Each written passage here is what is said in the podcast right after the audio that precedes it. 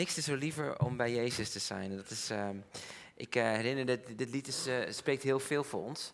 ons uh, ze is nu vijf, maar toen was ze vier. Drie, vier. Toen dit nummer uitkwam en in de auto zaten we met z'n allen. En mijn kleinste, jongste eh, dochtertje, Ela, die zat dan in haar stoeltje. En dan zei ze, ik wil iets liever dan Jezus. Maar dat ging steeds harder. Dus alles vijf kids op een gegeven moment in die auto. Ik wil niet liever dan Jezus. Dus dat zit heel veel herinneringen liefde aan, aan dit nummer. Niks dan liever dan Jezus. Goed, vanochtend wil ik praten over zet je schouders eronder. Ik vind dat een mooi, mooi thema van vandaag. Zet je schouders eronder. Ik uh, hoorde laatst een heel mooi verhaal van een aantal uh, mensen die woonden in een beetje een uh, afgelegen gebied. en, en, en die gingen met, het waren een beetje, ja, we zouden zeggen, een beetje wereldvreemd op een bepaalde manier. En die gingen op een dag naar Amsterdam. Dat was een paar jaar geleden hoor. En uh, dit uh, gezin die komt daar met uh, een vader, moeder, met, met een paar zonen. Ze kwamen een beetje een boerenfamilie en die, en, die, en die gingen naar Amsterdam toe. En op een gegeven moment kwamen ze bij de Bijenkorf. En ze kwamen bij de Bijenkorf en op een gegeven moment zagen ze daar een, een deur die ging open en dicht. Dat hadden ze in hun leven nog nooit gezien. Dus ze waren echt helemaal wat gebeurt hier? Open en dicht. En er komt een oud, schrompelend vrouwtje aanlopen en die stapt zo in die deur wat open en dicht gaat. En ze kijken, wat gebeurt daar? Wat moet er gebeuren? En dat vrouwtje komt naar binnen en, en ze blijven kijken. En die deur gaat open en er komt een bloedmooie vrouw naar buiten. Dus die vader die draait zich om naar de zoon en zegt tegen de zoon, haal je moeder even.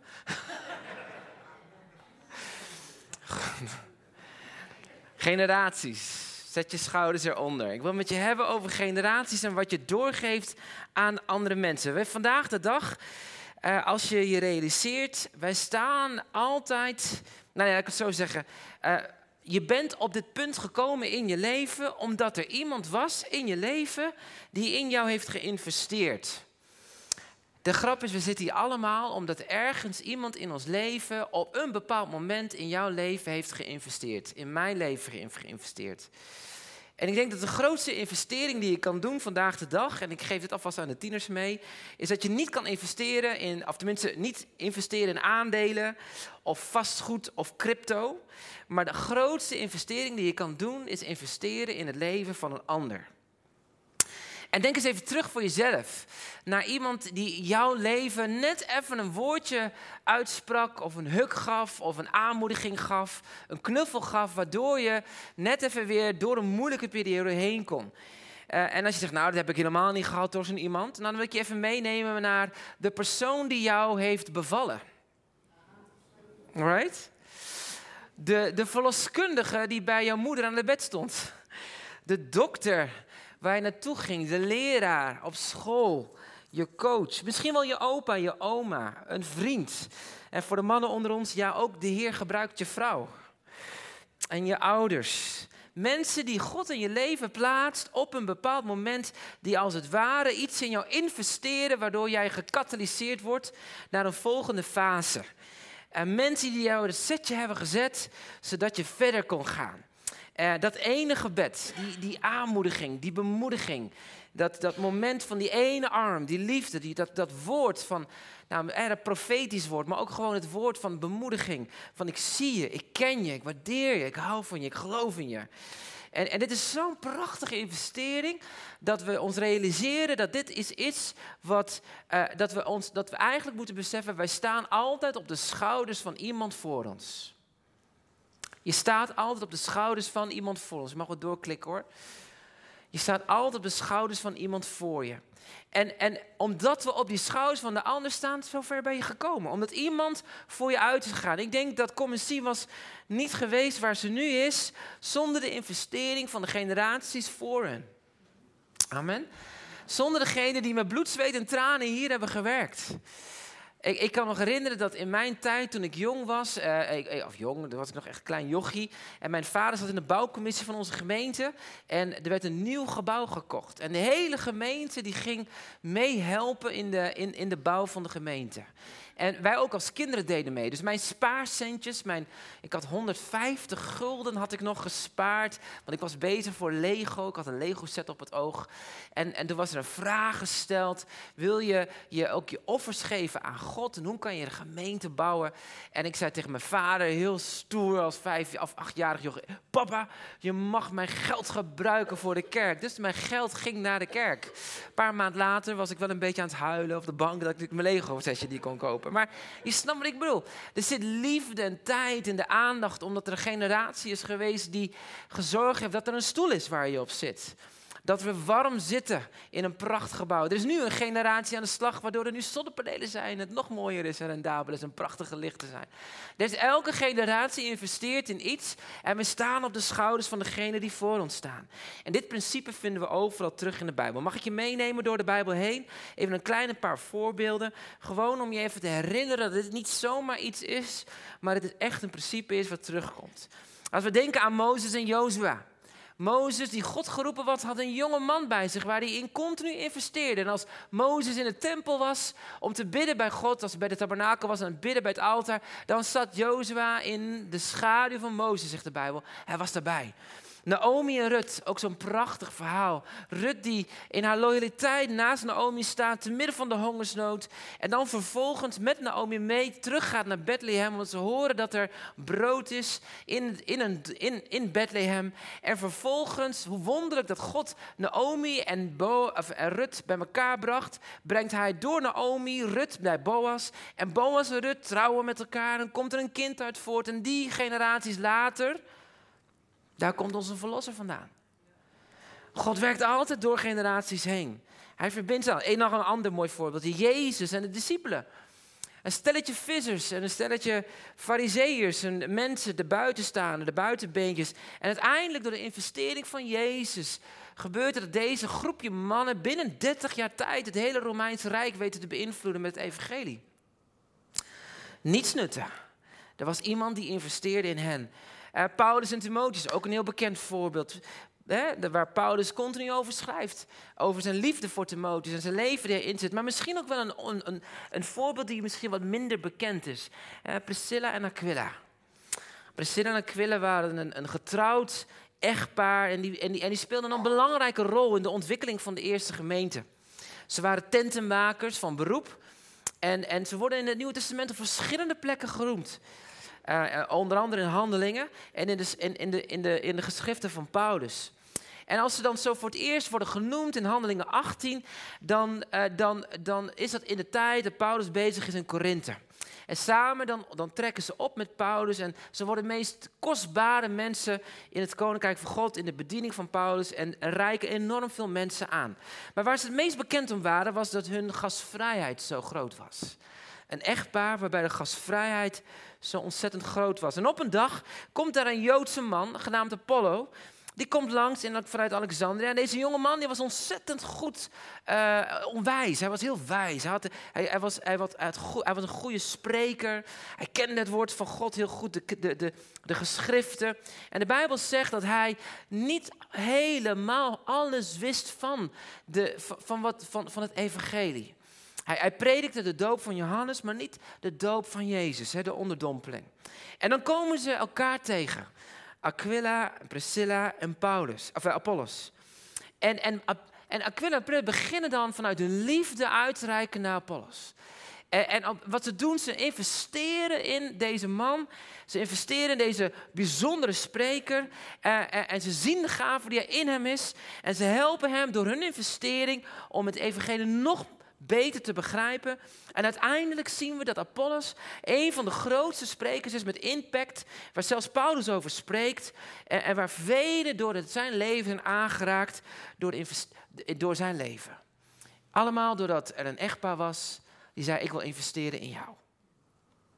Drie individuen, Priscilla, Aquila, Apollos, samengebracht om uiteindelijk Gods koninkrijk te bouwen in alle lagen. Ik vind het zo'n prachtig verhaal. Ik vind dat echt machtig. En, en dat brengt ons bij, bij ons dat de Bijbel, dan, als je dat pakt, dit principe, dan, dan, dan gaan de andere teksten in de Bijbel meer spreken. Bijvoorbeeld 1 Thessalonië 2, vers 7 en 8. En let dan op wat er staat in vers 8. Maar wij zijn in uw midden vriendelijk geweest, zoals een voedster haar kinderen koestert. We waren zo vol verlangen naar u dat wij graag met u niet alleen het evangelie van God wilden delen, daar komt hij, maar ook onszelf. Jezelf delen. Omdat hij ons lief geworden was. Wauw. Jezelf delen omdat de ander je lief geworden is. In Thessalonicense wordt gezegd, blijf elkaar dan bemoedigen, versterken, zodat je dat alles doet.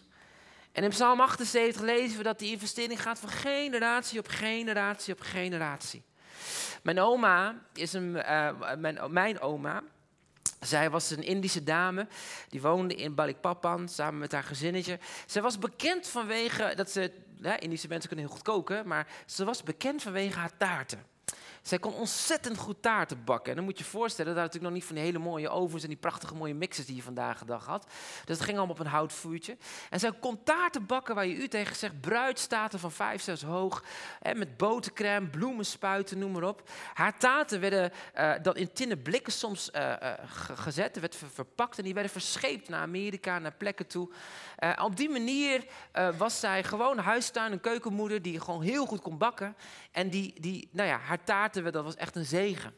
En mijn moeder, die, die leerde de eigenlijk omdat ze bij haar moeder op, aan het kijken was aan tafel, hoe die oma taarten bakt, leerde zij hoe ze taarten ging bakken. Dus mijn moeder heeft diezelfde, uh, de, de, dat gave gekregen om die taarten te bakken, dat talent. He, boterbloemen te, te, te, te spuiten, he, bruidstaten van vier hoog, prachtig om te zien. En, en wat ik nu zie is dat, het, uh, dat die, die gave, die heb ik niet gekregen. Niet dat ik er heel veel interesse had. Ik had meer interesse om het op te eten dan te, te maken. Maar goed, mijn dochter, mijn jongste dochter, die, die, die heeft ook een soort affiniteit met taarten. Dus, of één na jongste dochter, sorry, Yasia. En die vindt het prachtig om taarten te bakken. Dus die gaat regelmatig naar oma. En dan gaan ze samen taarten bakken. Dat doen ze natuurlijk voor ieder neefje nichtje die jarig is. En alle ooms en tantes. Maar Yasia heeft ook een soort, soort geheime hoe zeg je dat? Een geheime bediening. Een, een, soort onbewuste bediening. Maar wat heeft ze laatst nog gedaan? Toen had ze een staart gepakt en toen ging ze een taart maken voor tante Monique.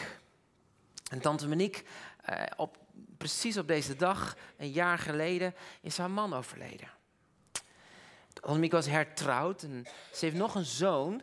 En haar oudste zoon die is nu op dit moment heel erg ziek en dat een ander gezin, heeft een ander geloof en daar heeft ze heel veel verdriet van. Dus op een dag komt Jessie, die had een taart gemaakt en die staat er zo voor de deur en die geeft een taart aan tante Monique. Omdat tante Monique kostbaar is. Een gave die, als je praat over een soort familiegeheim, doorgegeven werd naar mijn moeder en doorgegeven wordt aan mijn dochter.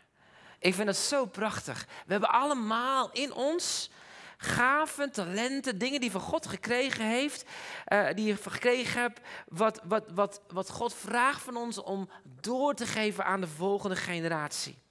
Want waar het om draait, is dat je uh, beseft dat het gaat erom het volgende. Niet wat je voor iemand achterlaat, maar wat je in iemand achterlaat.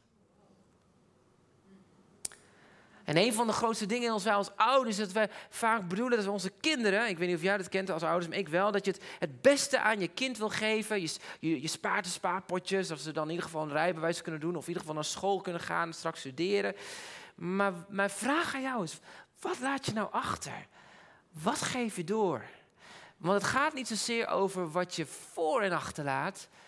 Het huis, met zwembad, als je die zal hebben.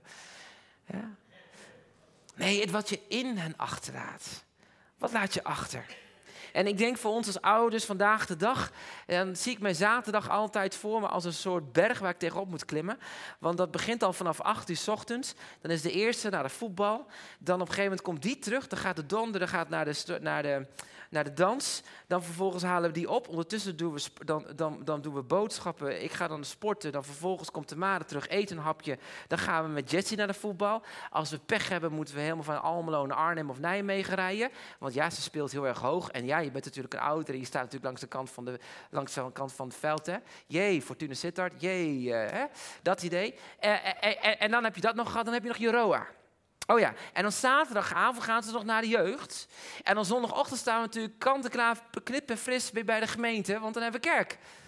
En dat is je weekend.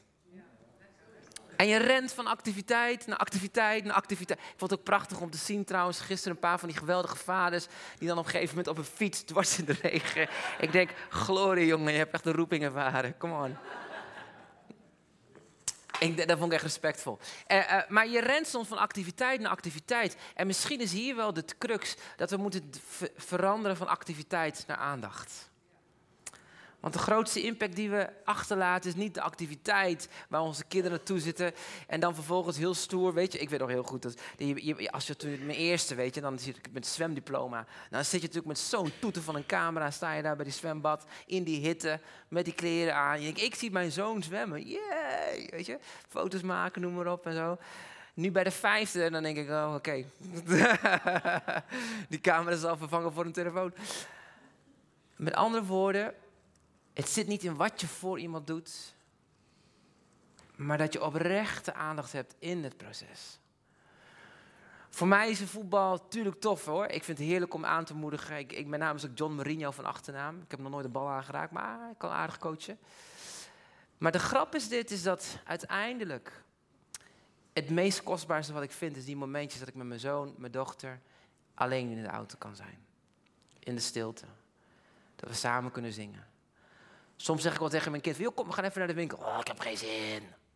Oké, okay, aangename voor, hè, leuk met aangename verbinden probeer ik dan. Maar het gaat om die aandacht. Mijn ene zoon die, die vindt het heerlijk om Star Wars filmpjes te kijken. Ja, je vraagt je af waarom.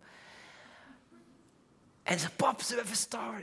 Nou, oké. Ik heb eigenlijk geen tijd. Maar joh, ik wil even bij je zijn. En dan kruip je tegen je aan. Dan komt mijn jongste komt eraan en dan pakt ze met de oor. Pap, ik hou zoveel van jou.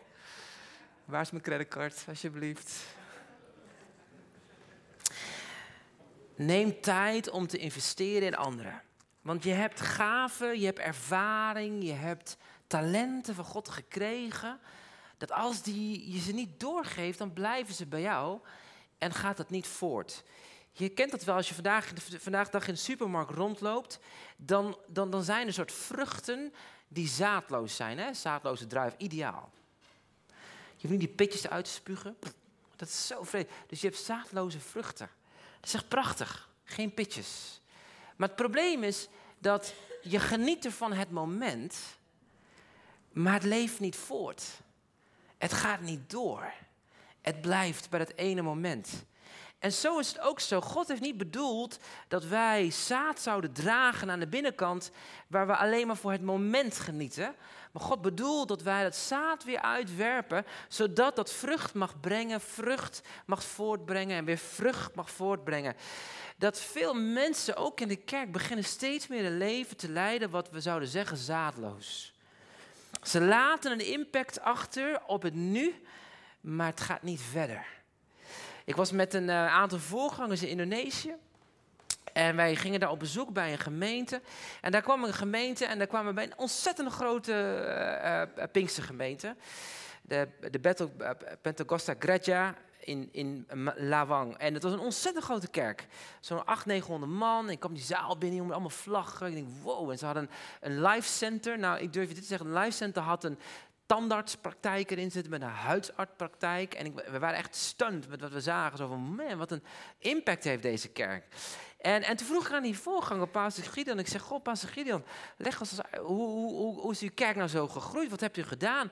En uh, ja, zegt hij, nou, we zijn begonnen met een klein clubje. Toen ik voorganger was, was de kerk nog maar 50 mensen. Ik zeg, oh. Ik zeg, hoeveel jaar geleden was het? Ja, zo'n kleine 20 jaar terug. En uh, ja, in de tussentijd, toen zijn we toen een compassion project begonnen. En uh, nou, toen, we, eh, toen konden we investeren met ons 50 mensen, konden investeren in 300 uh, eh, kinderen en hun gezinnen.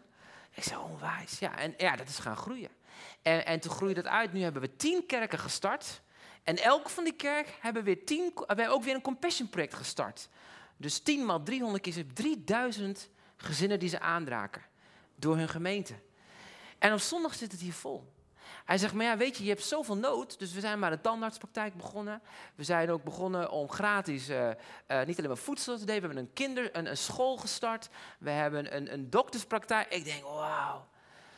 Maar ik zeg tegen hem, ik zeg, dok, mag, mag ik u misschien wel een hele... Want je moet oppassen, hè? wij zijn natuurlijk Nederlanders. En hij is Indisch, dus ik zeg, mag ik u misschien een beetje een, beetje een rare vraag stellen, maar u bent een beetje op leeftijd, maar eh, wie geeft u dat straks door?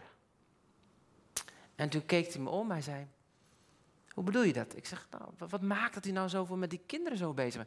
Hij zegt, ach, John, wij kunnen geen kinderen krijgen. Maar dit zijn al mijn kinderen. En ik heb mijzelf vermenigvuldigd in mijn leiders. En als ik er niet meer ben, leeft de kerk wel door. Het komt helemaal goed. Er is geen strijd. Prachtig hè? Zaad wat voortleeft. God heeft jou en mij zaad gegeven, talenten gegeven, gaven gegeven. Wat als we zouden uitstrooien in een ander, of als we, als we het zouden doorgeven aan een ander, dan leeft dat niet in de volgende generatie, maar ook in de generatie daarna en daarna en daarna. En dat is eigenlijk het hart van Gods gemeente. Is dat het doorgaat. Niet alleen maar de geloofsdingen, maar ook bijvoorbeeld hele simpele dingen als behangen. Wie van de jonge mensen weet nog hoe te moeten behangen? Oh, hier, wacht even. Hey, kijk, dat wordt goed gedaan daar in dat huis. Ja. Weet je, um, um, um, zaden die je plant in een generatie leven door in de volgende generaties. En dat wil ik je meegeven. Zaden die je plant in een generatie leven door in de volgende generaties. Ik heb gelezen dat er een bepaalde planten zijn, die moet je soms 30 jaar, voordat je überhaupt vrucht van de plant krijgt, moet je ze planten. Dus je plant ze niet voor jouw generatie, je plant ze eigenlijk voor de generaties na jou. En de grap is dat we in de kerk soms alleen maar denken aan onze generatie. Dat we misschien wel een strategie moeten bidden voor, Heer, wat wilt u doen door mijn kinderen en mijn kleinkinderen heen? En wat moet ik nu planten voor later? Zo was er een kleine jongen uit Ghana. Hij, uh, hij leefde in extreme armoede. En uh, hij was 16 jaar en hij dacht, er moet toch iets zijn waardoor ik mijn mensen kan helpen. Dus vastberaden ging hij de wereld uit, trok zijn dorp uit, om, om een manier te vinden om zijn leven te verbeteren en op die manier ook het leven van de mensen te verbeteren. En na zeven jaar kwam hij terug en, uh, in het dorp. En, en, en de mensen renden op hem af, want die hadden zoiets gedacht van, nou, nu komt het hè. Laat ons zien, wat heb je meegenomen? Wat heb je, heb je meegenomen? Geld? Wat, wat, hoe ga je ons helpen? En hij graaide op dat moment in zijn broek, pakte hij drie boontjes. Drie zaden. En die mensen die wat moet je nou met drie zaden? En hij plantte deze drie zaden in de grond en dan begon het te wateren en dan gaf de liefde aan. En vervolgens, niet lang daarna, was de allereerste cacaoboom in Ghana geplant. De allereerste cacaoboom. En nu generaties, generaties erna. Dit plantje vermenigvuldigt zich, vermenigvuldigt zich, vermenigvuldigt zich. Vandaag is Ghana een van de belangrijkste producten in Ghana is cacao. Hij liet iets achter. Iets wat niet weg te vagen was. Hij investeerde in andere mensen hun leven. Ver hij zijn leven had. Mijn vraag is: investeer je nou alleen in je eigen leven? Of investeer je in een lifeline voor de generaties na je? Je bent geroepen om een indruk achter te laten die niet uit te wissen is. Neem iemand onder je hoede. Een collega, een vriend. Iemand die alleen is. Iemand die in de gemeente uh, soms hulp kan helpen. Um, want er is geen groter beroep dan iemand te helpen en hem of haar te zien laten schitteren. Er is geen grotere bediening dan dat. Bediening in de kerk gaat niet om podium. Het gaat om dat we kunnen investeren. Dat wat God in ons leger gelegd heeft om te investeren. Misschien kan je wel zo goed spelen als Rijn. Dan neem een jonge jongen of een jonge meid die gitaar wil spelen. Neem hem onder de hoede. Leer hem een paar akkoordjes. Voor het weet is straks de nieuwe Darlene Check. Dat is voor de generatie onder jullie. Die snappen niet wie Darlene Check is, maar die is heel belangrijk geweest in de muziek. Hè? Is het een nieuwe, nieuwe whatever? Uh, ik noem eens even een, nieuwe, een, een jonge, jonge worshipleider die nu heel bekend is in Nederland. Rijer. Ja, is dat een nieuwe Rijer? Absoluut, is dat een nieuwe Rijer. Hè? Misschien is het wel dat je ontzettend goed bent in, in, het, in, het, in het maken van dingen met je handen. Neem dan iemand mee. Misschien heb je wel een buurvrouw die alleen is en wat je het leuk vindt om samen een tuintje mee te, te, te, te, te onderhouden. Weet je, dat wat je hebt, een te geef dat door. Want op die manier investeer je in iemand en dat leeft altijd in de generaties door. Je investeert door naar de volgende generatie. Help een ander om te laten schitteren. Help hem om zichtbaar te laten zijn. Zo was er een meisje, haar naam was Lillian. En zij was geboren uh, uh, op een moment dat haar vader overstierf. Eh, um, ehm, en het was een ontzettend droevige tijd. Haar moeder, die uiteindelijk stierf nog in drie jaar later na haar geboorte aan aids. En zij groeide op bij haar, bij haar opa. Um, het was een moeilijke tijd, want opa die woonde daar met allerlei vrouwen. Dat waren uh, niet, de, niet de, de, de, oma's of moeders, uh, of moeder van, van Lillian, maar er waren een soort stiefmoeders. Die woonden in een soort ja, huis met allemaal vrouwen en bijvrouwen. En Lillian werd eigenlijk een soort afdankertje van, van de familie. iedereen die jarig werd, kreeg nieuwe kleren en Lillian kreeg de restjes van de anderen. Als er, als, er, als, als, als er kerst was, kreeg iedereen een cadeautje en Lillian mocht achterblijven. Die kreeg niks. Zij moest de, de klusjes doen die de andere kinderen niet hoefden te doen. Ze werd verbaal uh, mishandeld en misbruikt. Uh, en het was een ontzettende heftige tijd.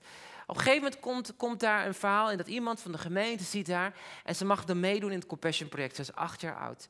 En, en ze zegt dan ook, elke keer als de Compassion gaat, dan was het het moment dat ik dan ervaarde dat er een warme maaltijd was. Dat ik weer kon eten. Dat er, dat er liefde was. Dat er iets anders was dan wat. En, en daar kreeg ze ook kort daarna een sponsor. En die sponsor schreef brieven. Die schreef brieven dat ze mooi was, dat ze kostbaar was. Maar ondanks haar situatie was het een ontzettende heftige situatie. Haar brieven waren haar kostbaarste bezit, omdat er iemand in de wereld was die in haar durfde te investeren met woorden van leven en kracht. De situatie verergde in haar huis en op een gegeven moment uh, besluit ze, als ze zo 16 is, te zeggen van ja, er is geen reden voor mij om te leven. Waarom zou ik nog leven? Dus in haar wanhoop, in haar pijn, gaat ze naar een winkeltje toe en koopt ze rattengif. Eh, en ze neemt de rattengif mee en vervolgens wil ze dan een einde aan haar leven maken. Hoe heftig. En dan zit ze onder de boom en het enige wat ze dan bij zich heeft, naast het potje rattengif, is die brieven van die sponsor. En terwijl ze dat, die rattengif wil innemen, uh, valt op een wonderlijke manier die brief uit haar tas. En de woorden van de sponsor komen op en er staan in haar van, je bent geliefd Lilian, je bent kostbaar, God heeft een hoopvol plan met je. En, en, en in, terwijl ze dat, dat eigenlijk dat innemen, spreken die woorden leven in haar geest. En, en ze breekt. En ze rent naar dagen van op straat te zijn, rent naar de enige plek waar ze weet waar ze veilig kan zijn. En dat is namelijk in de kerk bij de voorganger van het Compassion Project. En ze klopt aan zijn deur en die voorganger ziet haar en hij weet hoe laat het is. En hij neemt haar in haar huis. Vanaf dat moment groeit ze op in haar huis. En als je haar eigen woorden hoort, dan zegt ze: Ik was een wrak. Ik was een emotioneel wrak. Ik kende geen liefde. Ik kende niks. Ze ging studeren. Ze leerde vrienden kennen. Ze leerde een normaal gezin. Ze kon weer in zelf langzaam gaan geloven. Weet je wat ze nu is? Ze is nu ambassadeur voor kinderen extreme armoede in haar land. Alleen omdat iemand bereid was te investeren. Soms zijn het de kleine dingen die je investeert. De woorden die je schrijft, de bemoediging, het gebed, de knuffel. Alleen maar te laten merken, ik zie je. Ik weet niet hoe het met u is, maar, maar ik merk dat, dat er steeds meer in de generaties een soort, soort, soort verlamming aan het ontstaan is. Als ik het maar goed heb met mijn leven. Dus wat doen we? blij dat ik er ben. ik koop een caravan. Ik ga mijn eigen. Dat ik, ik kan ook van mijn leven genieten. Ah ja, amen. Je mag van je leven genieten. Ga ervoor. Geniet ervan. Maar vergeet niet, God heeft zaad in uw hart gelegd.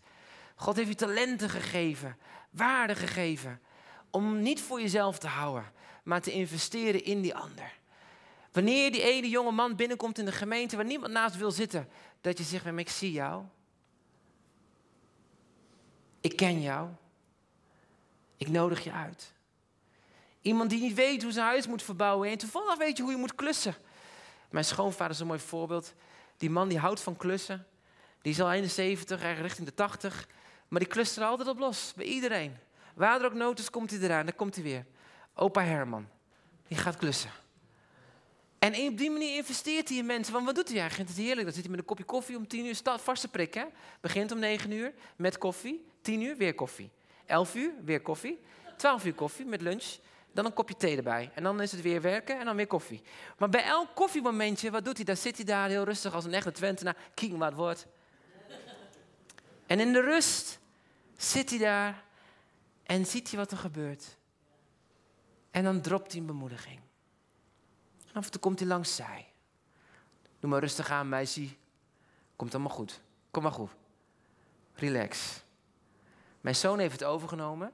Dat is de staat die hij van zijn opa gekregen heeft. Tranquilo, pap. Dat is zijn woord. Tranquilo. Tranquilo. Maar met andere woorden, opa Herman investeert in momentjes, in aandacht, in liefde. Ik wil je drie eenvoudige sleutels geven. Hoe investeren we? En de eerste is wat ik vind in het leven van Jezus als hij onderweg is, met Matthäus eh, gangers ontmoet. Matthäus hoofdstuk 20, vers 32. Er staat in Engels, he slowed down. Hij stopte in zijn weg. Hij was onderweg en plotseling, hij begint langzamer te lopen. Hij draait zich om en beweegt naar de mensen toe. He slowed down. Het grootste ding wat we kunnen doen in investeren in een ander, is wanneer we in onze bezigheden af en toe even de rem erop zetten. Want je kan niet zien wie op je pad komt als je te druk bent. Het is onmogelijk om sensitief te zijn op het moment als je te druk bent in je eigen hoofd. Te bezig bent met jezelf. Of met je gezin of alle, alle verantwoordelijkheden die je moet dragen. Slow down. En de grap is dit, denk ik, ook wel een beetje voor ons. Wij zijn natuurlijk niet Jezus. Maar ik geloof wel dat in het leren komen tot rust, maakt dat we ook de liefde van de Vader in ons eigen leven meer gaan ervaren. En op het moment dat dat weer je leven vult, dan stroomt dat ook weer over. Zonder dat je daar iets voor hoeft te doen. Slowing down. Het tweede wat ik zo interessant vind is dat Paulus spreekt ook Filippenzen over het beschouwen als ware de ander waardig je aandacht en tijd. En het is een grote uitdaging, ook voor ons als gezin, als vader. En je hebt, je je verantwoordelijkheden binnen de gemeente, je hebt je werk, je hebt je gezin. Je hebt, dat je soms moet eerst slowen down en ook jezelf beseffen, wacht even. Ik ben waardig de aandacht en tijd van mijn vader, van mensen om me heen, maar andersom. God die plaatst mensen ook in mijn leven waar ik waardig mijn aandacht en tijd aan kan geven. En dat ik soms bewust moet zijn. Soms heb ik wel eens dat ik momenten op mijn werk heb dat iemand naar me toe komt. En dan wil ik in de haast al een stap of tien verder zetten. En dat ik denk, oh wacht even, er komt iets naar me toe. Wacht even, slow down. Mijn aandacht, mijn tijd. En dan blijkt het altijd dat je altijd tijd overhoudt. dat is ook zoiets grappigs. En het laatste wat ik je mee wil geven, dien vanuit bewogenheid. Dien vanuit bewogenheid. Amen. Ik wil vragen aan Chris. Kan je mij even helpen? Ja. Gisteren speelden wij een boom. Ja, ja, ja, ja, ja, ja. Uh, waar is mijn Jezus? Ja, is mijn Jezus. Amen, come on. Ja, ja, je voelt hem al aankomen. Chris, kan je even op het podium staan? Kan dat? Neem je even onze grote vriend. Oh, dat is makkelijker. Ja, dat is ook makkelijker. Ja. Onze grote vriend. Kijk, we staan op de schouders van de ander, hè? Nou, dit is Zacchaeus in de boom. Daar hadden we het gisteren over. Jezus ziet ons. Zacchaeus, wil je een boom doen? Zacchaeus, kijk even. Ja, ja, je doet je handen in de lucht natuurlijk. Oh, ja, mooi. Maar Zacchaeus ziet Jezus lopen, daar loopt Jezus. Ik vind het een knappe Jezus. Ik vind het zo'n knappe Jezus, echt waar. Ja, amen. En, en uh, jij ziet Jezus en je wil eigenlijk diest bij Jezus zijn, maar ik wil dat jullie even heel hard lawaai maken, oké? Uh, harder. En Jezus ziet. Ja. Uh, Je Jezus ziet Zacchaeus in die boom, hè? Toch? Of niet? Jullie kennen het verhaal toch? Ja, ja. Uh, wat zegt Jezus dan op een gegeven moment tegen Zacchaeus? Kom uit de boom. Zacchaeus, kom uit die boom. En wat doet hij nog meer? Wat zegt hij dan nog meer? Ik kom bij jou thuis. Ik kom bij jou thuis. Ja, amen. Nou, Zacchaeus, klim uit die boom. Ik vind dit zo'n mooi voorbeeld van Jezus. Ja, kom maar, eh, dat is perfect. Een mooi voorbeeld van Jezus. Jezus investeert. hij ziet Zacchaeus in die boom. Hij ziet hem in die boom. En hij zegt, Zacchaeus, kom eruit. Ik wil bij jou vandaag thuis. Ik wil in jouw midden zijn. Ik wil niet in jouw vier muren van je huis zijn. Ik wil onderdeel zijn van jouw gezinsleven. Ik wil onder zijn van je dagelijks ritme. Ik wil onder zijn van jouw leven. Want in jou ligt meer dan wat. En wat doet Zacchaeus letterlijk? Hij pakt een zak geld en hij begint terug te investeren in anderen. Of eigenlijk terug te geven aan anderen. En de Bijbel zegt, en hij gaf meer terug dan wat hij stiekem had gejat van anderen. Mijn gebed is dat hier vandaag in de gemeente wij niet de geest van een geest zullen hebben als het gaat om van anderen ontvangen. Maar dat wij de geest van zijn geest zullen hebben, zeg maar, ik heb misschien niet op een goede manier ontvangen, maar wat ik heb ontvangen, ik ga dubbelvoudig teruggeven aan de mensen om me heen. En dan zeg je, ja maar John, er zijn mensen in mijn leven die hebben wel een investering gedaan, maar dat was geen leuke investering. Misschien hebben ze wel maar geroofd. Misschien is er wel een, een, een depositie geweest van pijn, van afwijzing. Ik geloof toen we net vanochtend zongen over Jezus. Ik wil niets liever dan Jezus. Alles wat ik nodig heb is Hem. En ik weet niet hoe het met jou is, maar ik geloof dat de Heer vanochtend met zijn liefde ons hart wil aanraken op de plekken waar het zeer doet. De schaduwzijdes van ons leven. Daar waar je misschien wel in de schaduw dingen hebt weggestopt omdat er een investering was geweest, wat je, dat heeft je zo geraakt. Maar God wil die schaduwzijde als het ware verlichten. Met zijn liefde, met zijn genezende hand, met zijn herstel. Zodat je met volle onbevangenheid en blijdschap de gaven talenten die jij hebt kan delen. Misschien ben je wel goed in financiën. En ben je goed in, in de belastingformulieren invullen. Misschien kan je die gave talent aan iemand anders geven. Zodat weer een ander gezegend kan worden. Misschien ben je wel goed in het bakken van taarten. Misschien ben je wel goed in schoonmaken. Misschien ben je wel goed in organiseren. Misschien heb je net als, als, als onze broeder hiervoor, die, uh, die, die investeert in jongeren. Die zegt, ja, ik, ik, ik, ik, ik, ik snap het belang. En ik wil investeren in jongeren. Als ik kijk naar Marijke, die al jarenlang ook met Naomi, zo ken ik hem vanuit vroeger, in de gemeente, maar velen in de gemeente actief zijn geweest om de jeugd. Elke keer weer om te investeren in de volgende. Ik wil je gewoon bemoedigen. Je leeft voort in zoveel generaties. Je bent een radertje in het geheel van Gods verhaal met een leven. En het stopt niet bij één. En het grappige is dat wat God plant, Hij geeft de wasdom. En in zijn tijd zul je oogsten. En mag je blij zijn over de oogst, over de generaties heen. Ik wil je gewoon bemoedigen. Sommigen van jullie hebben je hart geknokt de gemeente. En je hebt pijn en verdriet ervaren. Maar God zegt, ik zal de wasdom geven. Dat wat gezaaid is, is niet een nodeloze, of hoe zegt belang. Je hebt dat gezaaid en de Heer neemt dat zaad en gaat verder met die leven. Misschien dat ze niet hier in de gemeente zullen zijn, maar je mag erop vertrouwen dat het zaad wat gezaaid is, zijn vrucht zal voortbrengen in het leven van de generaties in hun en in hun kinderen en in hun kleinkinderen en elk leven die zij weer op hun beurt aanraken. Maar zo is het God bedoeld. Amen. Zullen we dat lied zingen? Ik wil niets liever dan Jezus. En, en, en, als je zegt, ja, ik wil niets liever dan Jezus. En is er iets in je leven, je zegt van ja, ik zit daar, worstel ik mee. Als ik kijk naar een stukje pijn, een stukje verdriet van vroeger. Een opmerking die mij ten neer heeft gedrukt, waardoor ik niet mezelf kan laten zien. Ik wil je uitdagen, kom gewoon naar voren. Dan gaan we gewoon voor je bidden. We gaan vragen de Heilige Geest, we vragen de jongeren ook gewoon lekker mee wil bidden. Uh, uh, je mag ook staan op je plek, ook goed. Dan komen we gewoon naar je toe, steek even je hand op. Het is altijd een beetje chaotisch, maar dat maakt niet uit. Uh, maar dan gaan we gewoon de tijd nemen waar de Heilige Geest gewoon ons leven aan wil raken en verfrissen zodat jij met vol, volledige vrijheid en onbevangenheid weer mag uitreiken naar de mensen om je heen. Amen. Zullen we gaan staan? Yes. En als jij zegt, ja, ik wil die verfrissing, dan wil ik je vragen om het volgende lied gewoon naar voren te komen.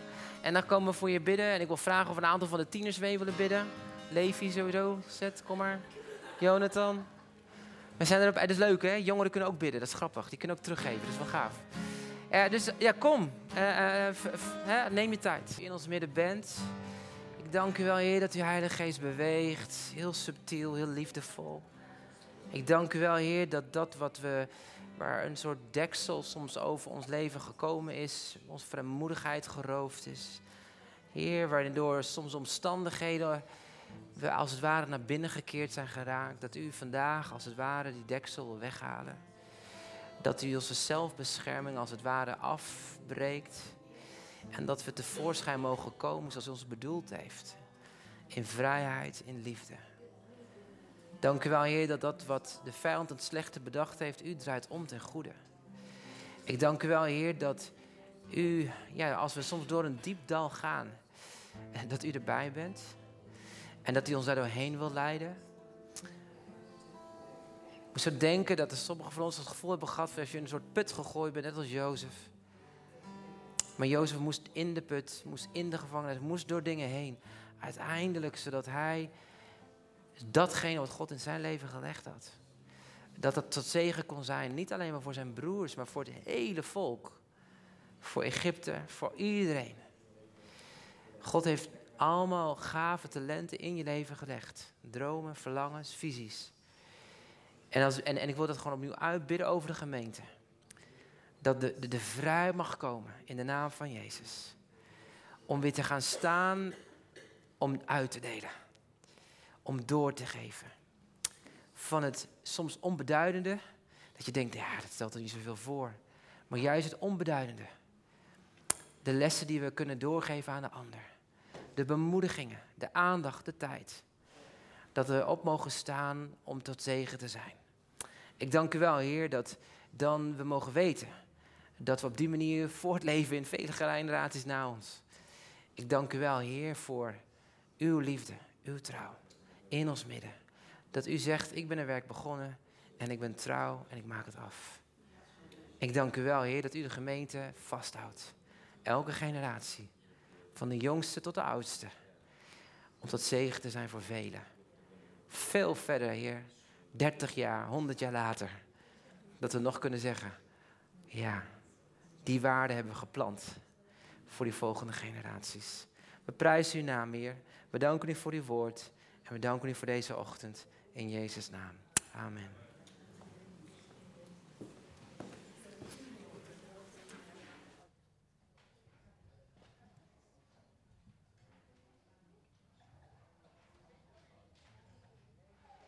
Oké, voor de mensen die naar beneden gaan.